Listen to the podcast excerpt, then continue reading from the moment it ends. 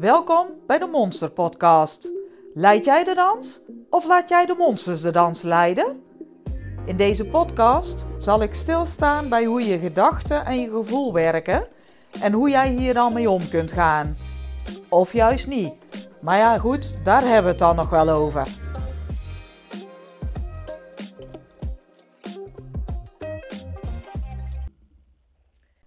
In deze Monster Podcast gaat het over druk hebben en tijdtekort hebben. Ik geef je daar een kijkje in en daarbij tips wat je daarmee kunt doen.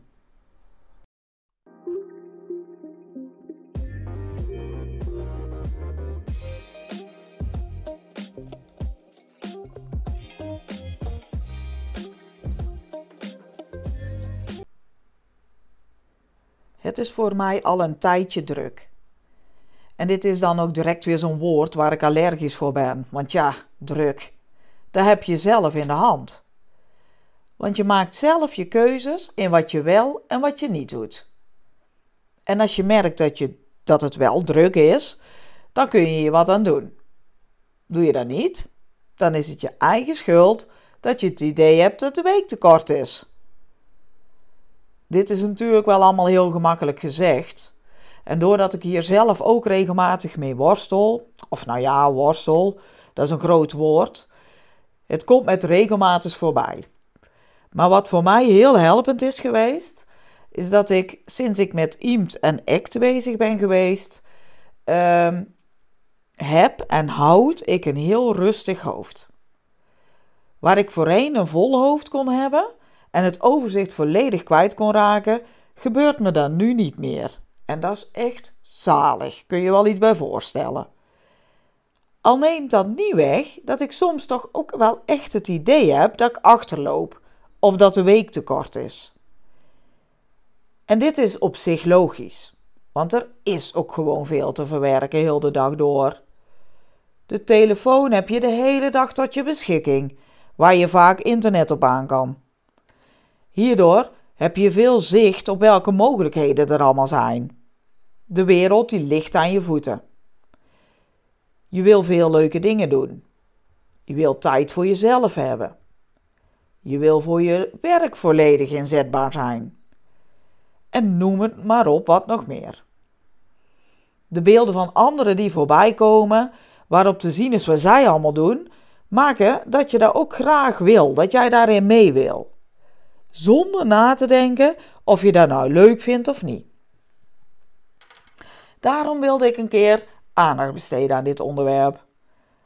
Omdat ik zo goed als zeker weet dat heel veel mensen hier last van hebben. En ik zeg expres last, en ik zet er eigenlijk tussen haakjes voor mezelf. Niet dat jullie die haakjes kunnen zien, maar toch. Het zal voor iedereen anders zijn hoe je dit kunt noemen. Is het last? Of is het meer een gevoel van overvloed? Ik weet het niet. Maakt ook niet uit. Want het gaat er nu gewoon om dat ik je hierin wil uitleggen en daarna nog wat tips mee kan geven hierin. Zodat je mogelijk er anders naar kan gaan kijken en wat zaken aan kunt passen voor jezelf. En het belangrijkste van al, waar jij je ook goed bij voelt. Zoals ik al zei, je wilt veel doen en dat past niet in de 24 uur die een dag zitten of de 168 uur in een hele week. Daardoor heb je steeds het gevoel achter te lopen of dingen te missen. Juist daardoor wil je weer een extra stap zetten. Je wil de tijd inhalen, zeg maar, zodat toch alles gedaan is. Maar ja, iedere keer kom je er weer achter dat de dag alweer voorbij is voor je er erg in hebt. Het kan zomaar zo zijn dat je jezelf daardoor minder gaat voelen. Want je hebt het idee dat iedereen wel alles voor elkaar krijgt en jou lukt het maar steeds niet. Dan wil ik je meteen uit die droom helpen, want wie zegt dat het bij die ander wel altijd lukt? Wie zegt dat zij wel het idee hebben dat de week voldoende uren heeft en dat ze steeds alles gedaan hebben wat ze zouden willen doen? Als je het zo hoort, dan bedenk je misschien al gelijk wel van, hmm, dit klopt niet helemaal. Waarschijnlijk heeft de ander ook zeker, weet, zeker er weken tussen zitten dat die alweer voorbij zijn voordat ze ergen hebben. Alleen hoor je dit vaak niet. Er wordt alleen gepraat over wat wel lukt. Of er worden foto's gepost van de leuke dingen die ze doen. Als er een baaldag tussen heeft gezeten, zul je deze echt niet voorbij zien komen hoor. Die houden ze voor zichzelf. Ook al kan het zijn dat je wel merkt dat iemand chagrijnig is, of kortaf in zijn reactie. Misschien komt dit ook wel doordat ze veel meer willen doen dan dat er gelukt is. En daardoor reageert hij kort naar jou. Reageert het af op jou. Terwijl het nog steeds zijn eigen ding is hoe vol die week gepland is. En dat vergeten we vaak. Want als iemand kortaf naar jou reageert, ga je ook weer twijfelen aan jezelf. Terwijl het veel kans meer te maken heeft met iets waar die persoon onderliggend last van heeft. En toch betrekken we het altijd maar weer op onszelf. Als we dat dan ook maar eens wat vaker gingen doen. En wat ik hier eigenlijk mee bedoel, is dat we dit ook doen wanneer het goed is om dat te doen. En gezien het onderwerp waar we het nu over hebben, is dit wel een hele goeie. Want ja, kijk, je hebt het gevoel dat je kort de tijd hebt. En zoals ik hier al zei, zo is het ook. Je hebt het gevoel dat je tijd tekort hebt. Het is meer het idee wat, er, wat je in je hoofd gehaald hebt, dan dat het misschien werkelijk is. Iedereen heeft evenveel tijd in de week. En iedereen gaat er ook anders mee om. Zoals ik eerder al aangaf, zijn er mensen die deze druk ook erg ervaren, maar dat merk je niet. Terwijl er ook mensen zijn die de drukke week helemaal niet zo ervaren. Dat heeft er dan weer meer mee te maken met het feit hoe zij naar deze week kijken en hoe zij een verhaal maken van hoe hun week eruit ziet. Hoe hun monsters het verhaal maken dan, hè? Want uiteindelijk is dit bij iedereen het geval. Die monsters, die hebben het een en ander te zeggen over de week en hoe deze voor je is. Deze baseren dit op eerdere ervaringen en ideeën zoals je die al had. Het wil niet zeggen dat dit ook echt altijd zo is. Kijk maar eens naar een dag of een week. Een dag heeft 24 uur. Een week heeft 168 uur. We plannen vaak vanuit de verkeerde kant. En ik bedoel dan dat we achterstevoren zaken inplannen. We beginnen de week en hebben allerlei plannen. We hebben de grootste ideeën en zijn helemaal enthousiast. Of er wordt veel aan je gevraagd en je wil graag goed gezien worden door de ander, dus je zegt maar toe. Hierdoor vergeet je wat er nog allemaal meer te doen is in die week. Je plant in zonder te kijken welke tijd je deze week hebt. Wat er allemaal op de agenda staat. En daar begint het dus mee. Als je vooruit wil plannen, is het handig om eerst te kijken naar welke zaken al op de agenda staan. En kijk dan ook direct kritisch naar of deze zaken ook echt gedaan moeten worden. En waar het dan mee te maken heeft. Is dit omdat je het zelf graag wil? Of is dit omdat je dit wil doen voor de ander? Dit maakt een wezenlijk verschil in het gevoel van tijd ervaren. Als het een bewuste keuze is voor jezelf, dan voelt de tijd niet zo zwaar dan als het meer iets is voor een ander. Dat voelt meer als afgepakte tijd, zeg maar. Zo zien we dit niet hoor, maar, want het gebeurt allemaal in ons onbewuste. Ten tweede is het ook direct goed om reële inschattingen te maken. Want als je kijkt naar wat je allemaal op een planning hebt staan, is dat nou überhaupt wel haalbaar in de tijd die je hebt? Of plan jij vijf uur aan taken in terwijl je maar drie uur hebt die dag? Weet je ook zeker hoe lang je ergens mee bezig bent? Of plan je jezelf gewoon heel krap in? Heb je meer het idee, dat moet toch te doen zijn, zonder echt te kijken naar hetgeen gedaan moet worden? Dan is het meer een drang om te presteren. Het is alleen de vraag of je jezelf daarin dan overschat. Dus blijf kritisch kijken naar hetgeen je gedaan wil hebben en hoeveel tijd dit van je vraagt. Zorg ook dat je altijd ruim inplant. Als je het idee hebt dat je iets in een half uur toch wel gedaan kunt hebben, plan dan drie kwartier in. Er is namelijk altijd ergens ook wat verloren tijd. Tijd die wel voorbij gaat, maar waarin niets gedaan wordt. Denk maar aan even wat drinken, naar de wc gaan of transfertijd. Of hoe zal ik de van het een naar het ander gaan noemen.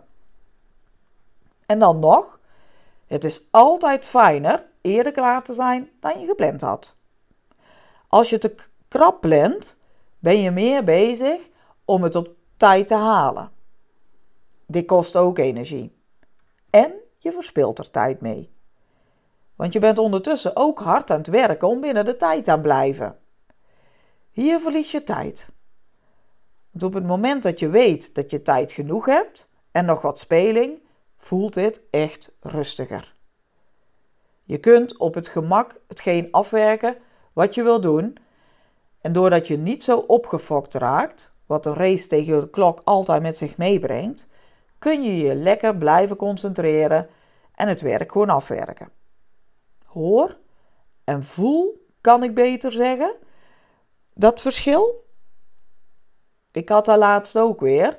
En dan merk ik als ik gewoon ruimer plan en niet zo bezig hoef te zijn of ik het wel ja, haal in die tijd, dan merk ik dat het veel beter lukt om het af te krijgen. Want dan ja, hoef ik alleen maar bezig te zijn met hetgene wat ik aan het doen ben. Dat is toch echt wel prettig en rustig.